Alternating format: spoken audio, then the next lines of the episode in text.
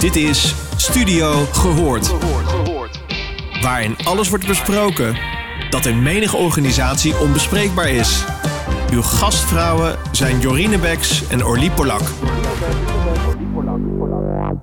Welkom luisteraars, het is weer tijd voor een eh, mooie terugblik. Ik zit echt uh, hutje-mutje met Jorine in de studio. Ik ga het gewoon echt bloedverslagen heet nu al. Ze zit ook echt veel te dicht in mijn zone. Is dat überhaupt wel psychologisch veilig? Nou, ik voel me lekker. Ik heb gewoon mijn spijkerbroek aan. Jij in je rokkie. Ja, had je even niet moeten doen. Aha, ze is ook echt veel langer dan ik. Echt, ja. Haar been komt over mijn grens. nou, ik, ik, ik zit lekker. Ja. Nee, kijk, en dit is misschien wel een goed voorbeeld van dat grensoverschrijdend gedrag. Ik heb nergens last van. Kijk, zo lossen we de dingen op, of niet? Nou, ik dacht meer, we maken afspraken. Laten we het daar eens over hebben. Hoe doen we dat nou? Een beetje plezierig met elkaar omgaan. Wat spreek je nou af? Ja, een beetje kaderen. En als je het hebt afgesproken, is dat dan voldoende? Ja, weet je, uh, dan kom ik toch op mijn fantastische term die ik de laatste tijd steeds meer gebruik, waar je ook ontzettend dol op bent. Het welbekende woord binnenkort in de dikke vandalen, doenken. En heb je die netjes ingediend? Want ik, echt mijn taalpurisme komt nu een beetje opborrelen en ik denk, denk hm, Doenken. Ja, doenken is denken en doen. Ik heb het niet helemaal zelf verzonnen. Het is al veel langer bekend en al veel meer mensen die hem gebruiken. Maar ja, niet zoveel dat het in de dikke vandalen staat. Je moet er ook wat mee hebben. Ik heb er heel veel mee. En wat is het dan? Kun je mij iets laten zien of, of vertellen over wat doenken is? Ik kan je wat laten zien, maar dat is niet leuk voor de, voor de luisteraar. Nee, wat het is, het is denken en doen. Kijk, daar komt die Psychologische veiligheid. Dat je weet hoe het werkt denken wil nog niet zeggen dat je het werkend krijgt. Doen. Precies. Maar als je het van voor elkaar krijgt en werkend krijgt, maar je weet niet waarom, dan kun je het niet verder brengen. Oftewel, je hebt denken en doen nodig als je psychologische veiligheid wil creëren in je organisatie. Ik vind dat doen heel lastig, want je kan afspraken maken. Dat is hetzelfde als met sociale omgangsvormen. We gaan respectvol met elkaar om.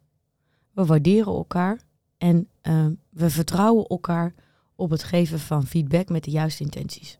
Dat zijn wat psychologisch veilige afspraken. Maar in de praktijk wil niet zeggen dat mensen het dan ook doen. En dan kan je die afspraak elke keer herhalen. Maar dat wil ook niet zeggen dat het het juiste effect bereikt.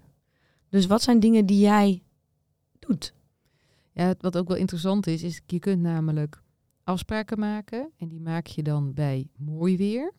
Juist. En dan heb je met z'n allen afgesproken, we trekken een korte broek aan. En dan gaat het in één keer hard regenen, stormen en sneeuw en hagelen. En dan werkt dat, die korte broek niet meer. Oftewel, wat doe je als het spannend wordt? Dan heb je in één keer een hele andere situatie. Ja, ik vraag me wel eens af, kun je in Nederland een soort methodiek ontwikkelen die dan een beetje algemeen cultuurgoed wordt? Want ik ben nog steeds wel een beetje geïnspireerd door die... Uh, Aziatische films die ik elke keer aan het kijken ben. Waar mensen echt zeggen, mag ik met jou informeel praten? Ik meteen benieuwd ben, wat is dat dan? Hebben we dan zeg maar algemene gedragsregels die iedereen ook begrijpt? Daar zit ook een soort lichaamstaal bij. Dat mensen ook op een bepaalde manier een beetje geheimzinnig en vertrouwd bij elkaar komen zitten. Denk ik, dat komt ook wel heel fijn over. Niet zo van jij tegen mij. Zo'n tegenover elkaar gesprek, maar een naast elkaar gesprek. En dat je dan ook andere woorden gebruikt. Dus niet meer van die formele woorden, maar veel meer persoonlijke taal. Ja, vroeger hadden we natuurlijk wel zoiets, hè? Heel vroeger, en nog steeds doe ik het wel. Dat je begint met u en dat je op een gegeven moment vraagt: hè, is het oké om jij en je te zeggen, te tutoyeren? Zo heel af en toe kom ik het nog tegen, maar je ziet met name met de jeugd van tegenwoordig dat die gewoon direct in de je en de jij schiet. Hè? Die gaan niet zo heel snel naar mevrouw en u. Nu zeg ik ook wel dat als het zeggen, dan vind ik het ook niet nodig. Dus dat is weer de andere kant. Maar even terugkomen op onze, uh, de inspiratie uit het oosten. Nu komen de wijzen uit het oosten. Ik kom uit Nieuw-Leuzen bij Zwolle. Ik zit een stuk oostelijker dan jij. Dus hier komt mijn wijsheid. Nee, alle gekheid op een stokkie. Uh, als ik met, uh, aan de slag ga met psychologische veiligheid in teams, en er zijn vraagstukken, et cetera, dan raad ik altijd aan om te beginnen met een check-in en te eindigen met een check-out. De tekst, de, de titel vind ik nog een beetje suf. Dus daar gaan we nog even over nadenken wat wat leuker klinkt. En ook dat het wat meer de lading dekt. Want veel mensen denken bij de check-in, dan ga je het hebben hoe het met iemand is. En dat kan over van alles en nog wat gaan. En voordat je het weet, deel je met elkaar of de grasmaaier stuk is. En dat verbindt dan, maar dat is voor mij niet de check-in. De check-in heeft een functie. Eigenlijk net wat jij aangeeft over die omgangsvorm. Het is een functie om te zorgen dat je als team goed kunt samenwerken en uiteindelijk dus kunt presteren. Lijkt een beetje op uh, als je naar de sport kijkt, je begint met je team en dan is het ook wel handig om te weten of iemand een whiplash heeft of een zweepslag. Die kun je dan beter misschien niet in het veld zetten. Hè? Dus uh, dat is dan drieledig. Het gaat, die check-in gaat over hoe zit het met de energie? Is het oké? Zit je er oké bij ja of nee? De tweede is wat willen we bereiken en wanneer zijn we blij? En de derde is hoe gaan we dat doen? En die hoe sluit daarop aan. Dus hoe willen we dan samenwerken met elkaar? En dan concretiseren. Dus vragen stellen om te begrijpen. Uh, niet meningen tegenover elkaar, maar naast elkaar zetten. En daar dan concreet voorbeelden ook uh, aan, aan geven. En de check-out gaat weer drieledig. Hoe is de energie nu? Aan het eind van de meeting. Nou, dan hoop je natuurlijk dat dat minimaal hetzelfde is gebleven met een beetje geluk wat meer energie. Uh, en de tweede is dan hebben we bereikt wat we hadden willen bereiken. Nou, veel agenda's in Nederland zijn wat utopisch. Uh, dus dat wordt niet altijd bereikt. Maar was het dan een bewuste keuze? En de derde is, hebben we samengewerkt hoe we hadden willen samenwerken? Nou, de eerste keer dat je dat gaat doen, moet je wel even iets meer tijd ook besteden aan met name, wat mij opvalt, kost eigenlijk de meeste tijd, eh, wordt besteed aan, ja, maar hoe willen we dan samenwerken? En wanneer is dat dan oké? Wat ik vaak doe bij de hoe, is eigenlijk methoden gebruiken uit het onderwijs en uit de creatieve sector om een, ja, een situatie te creëren waarin mensen zich veilig voelen. Ik zal er een paar noemen die, misschien wel leuk zijn voor de luisteraar. Ik werk vaak met persona's. Dus er is er een probleem in de organisatie dat best wel een gevoelig punt is. En dan in plaats van het probleem gewoon inbrengen, ga ik die inbrengen via een persona. Dus die persona wordt een uh, fictief persoon letterlijk. Dus dat kan zijn Karin.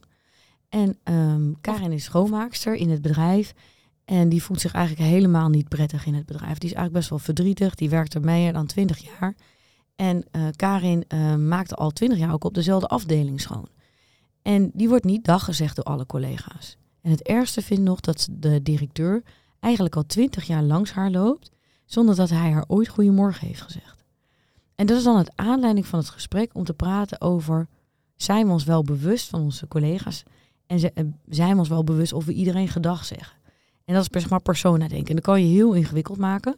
Dus je kan het in een simpel kaartje doen.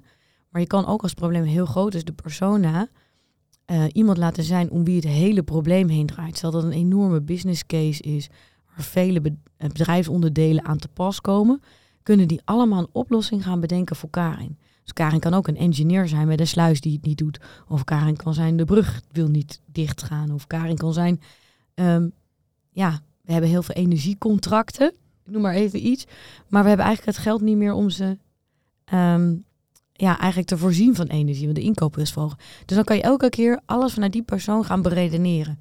Dat maakt het voor sommige mensen, uh, dat hoeft niet per se Nederlandse cultuur, maar kan ook andere cultuur zijn, wat makkelijker. Omdat je dan kan zeggen, ik praat niet vanuit mezelf, maar ik praat elke keer vanuit Karin. Ja.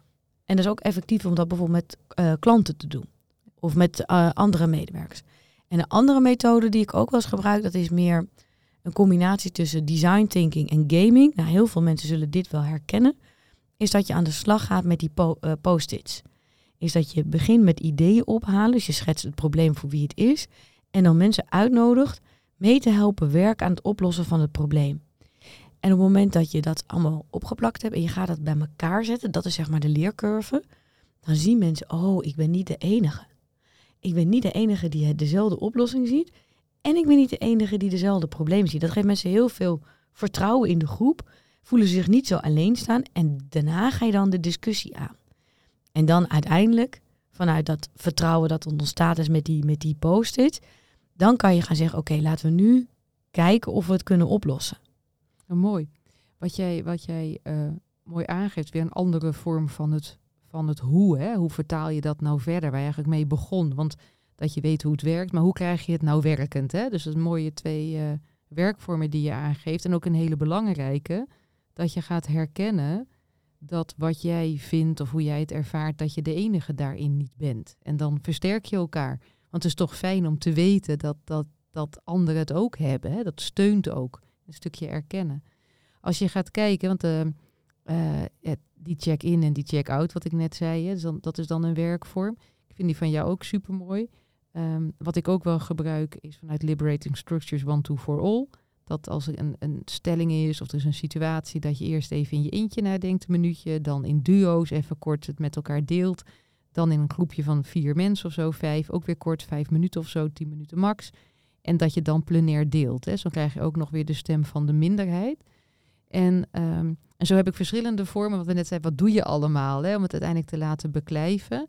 Uh, waar ik altijd wel op, op zoek ben, uh, is een combinatie van en wat je direct dagdagelijks kan doen. Eigenlijk wat jij net zegt ook, weet je, die kan je altijd gewoon in het moment pakken. Misschien dat zo'n Karin voorbeeld wat meer voorbereiding kost, maar die ander kan je direct doen. Dus dan is er geen ene reden om het niet te doen, behalve dat je het even vergeet. Nou, daar moet je dan iets op verzinnen dat je wel verschillende werkvormen gaat, gaat oefenen met elkaar.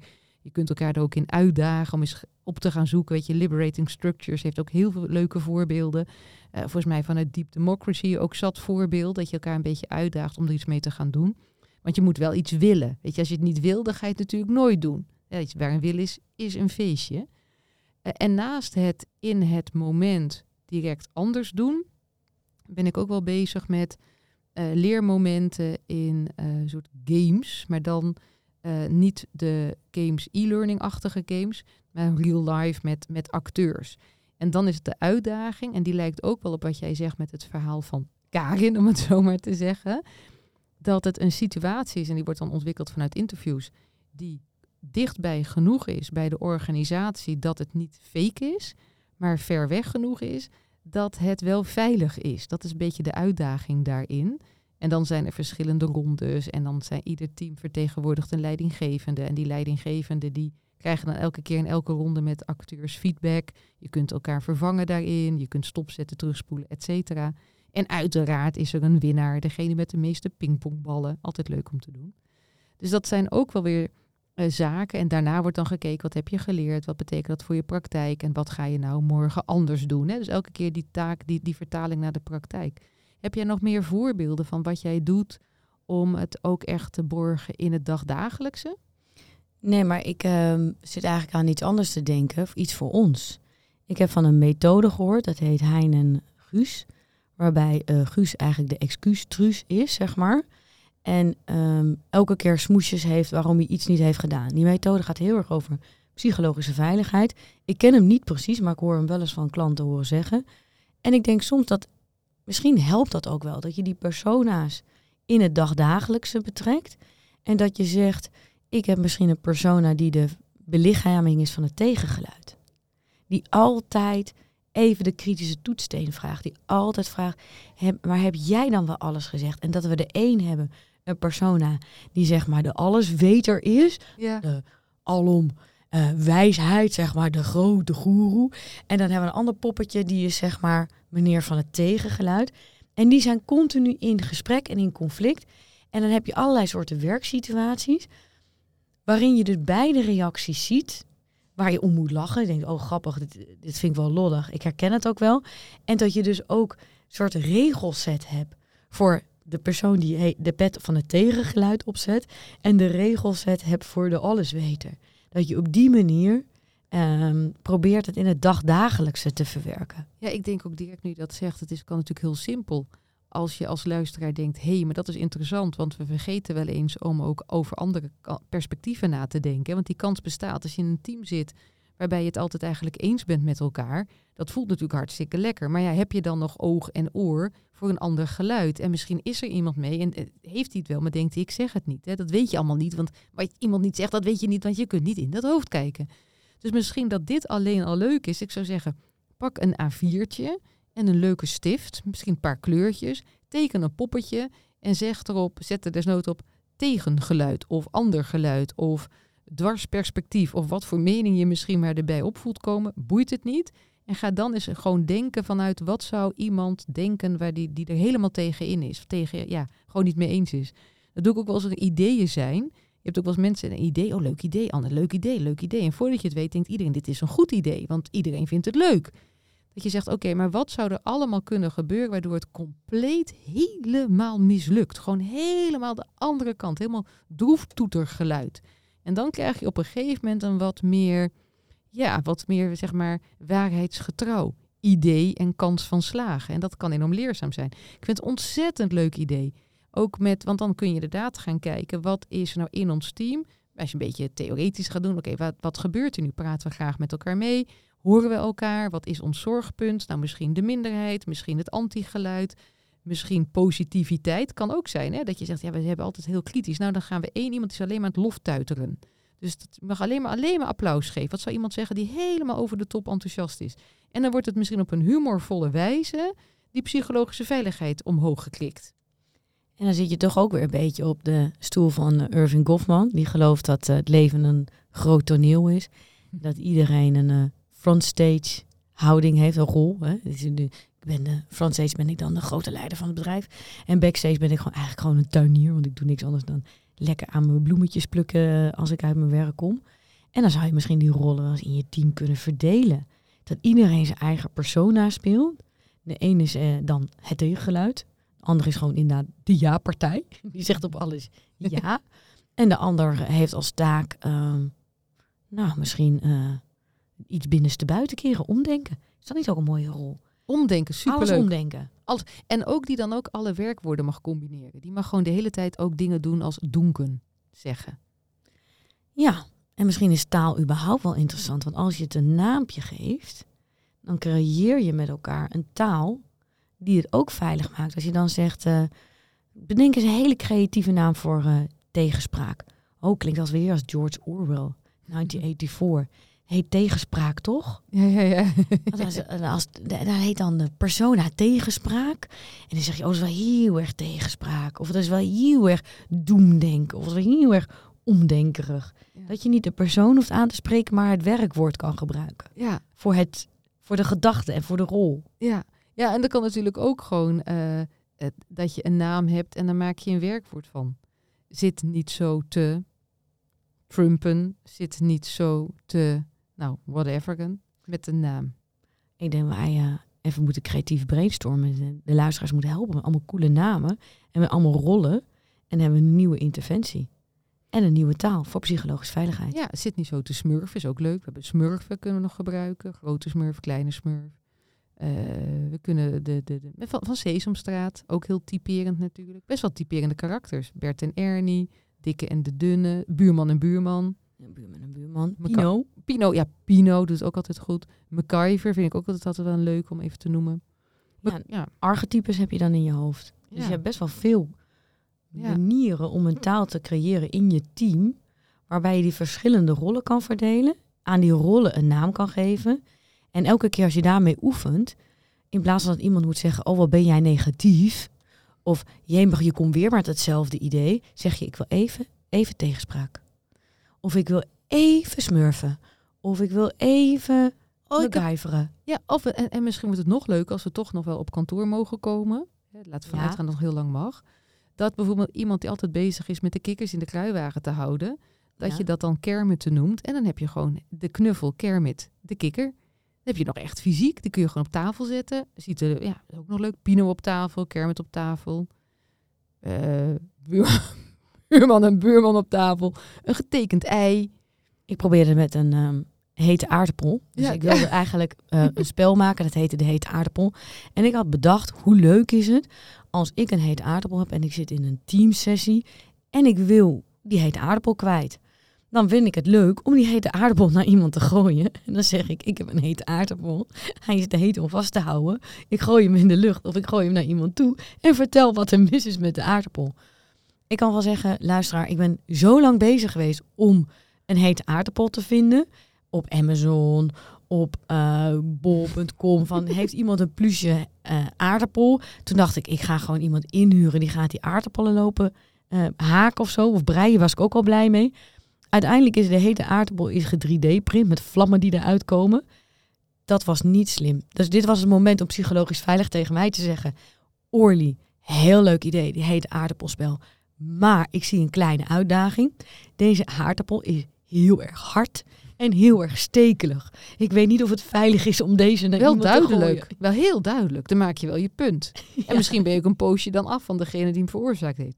Trouwens, ik heb dan wel geen hete aardappel. Maar eh Madelief die heeft laatst, had ze op de kermis, een avocado gewonnen. Een knuffelavocado, moet moet ik even bijzeggen. Die leek best wel op een, op een aardappel. Ik denk dat als je dan, want zo'n avocado heeft natuurlijk zo'n pit in het midden. Weet je hoe jij je aardappelen kookt? Als ze groen, als ze groen worden, kan je ze niet meer eten, Jorine. Maar je kent ook het poppetje die... Hier komt die... Ik, ik snap die verwarring hoor. Ik weet dat. Ik heb de agrarische school gedaan. Nee, want het is die eh, avocado knuffel.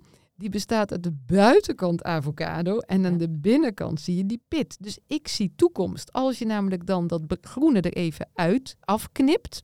En dan de pit zeg maar weer dicht hecht. Met een beetje dikke wol erin. Heb jij je hete aardappel. En trouwens, een vriendinnetje van mij die kan echt ontiegelijk goed haken.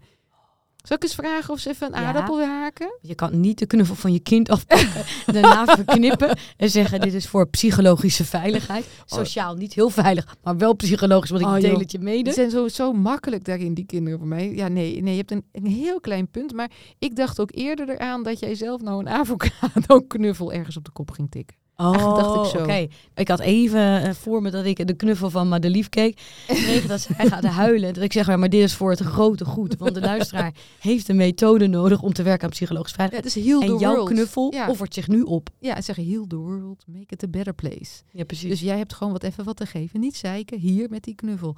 Eh, nee, ja, dat is niet helemaal de rode draad van mijn opvoeding. Maar eh, weet je, je wordt nog jarig, kerst komt eraan, Sinterklaas, eh, alle mogelijke momenten. Eh, het is zomer, ook tijd voor een cadeautje. Wie weet kom je hier later een keer op kantoor en denk je, mijn hemel, wat moet ik met al die hete aardappelen in wording? Want Ik vind het helemaal mooi. Jorine, ga je nog wat doen van het weekend? nou ja, ik, ik heb spannende zaken natuurlijk, want ik ga op vakantie.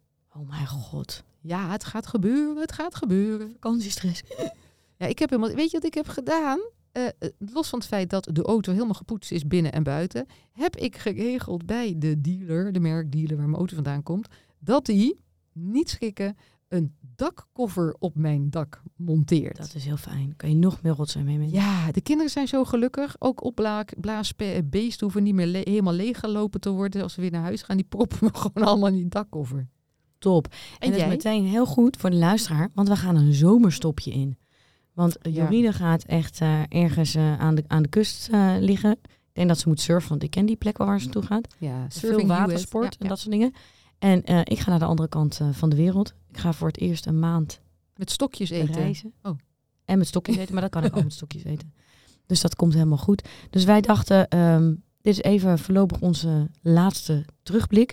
En dan komen we met het nieuwe schooljaar, want dan moeten we terug zijn. Want we zijn natuurlijk wel goede moeders.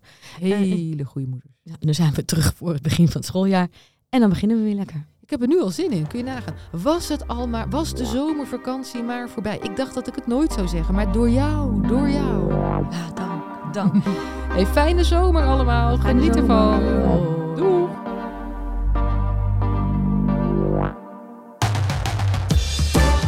Je luisterde naar Studio Gehoord. Vond je dit een leuke podcast? Laat dan een review achter bij jouw favoriete podcastplatform. Tot de volgende!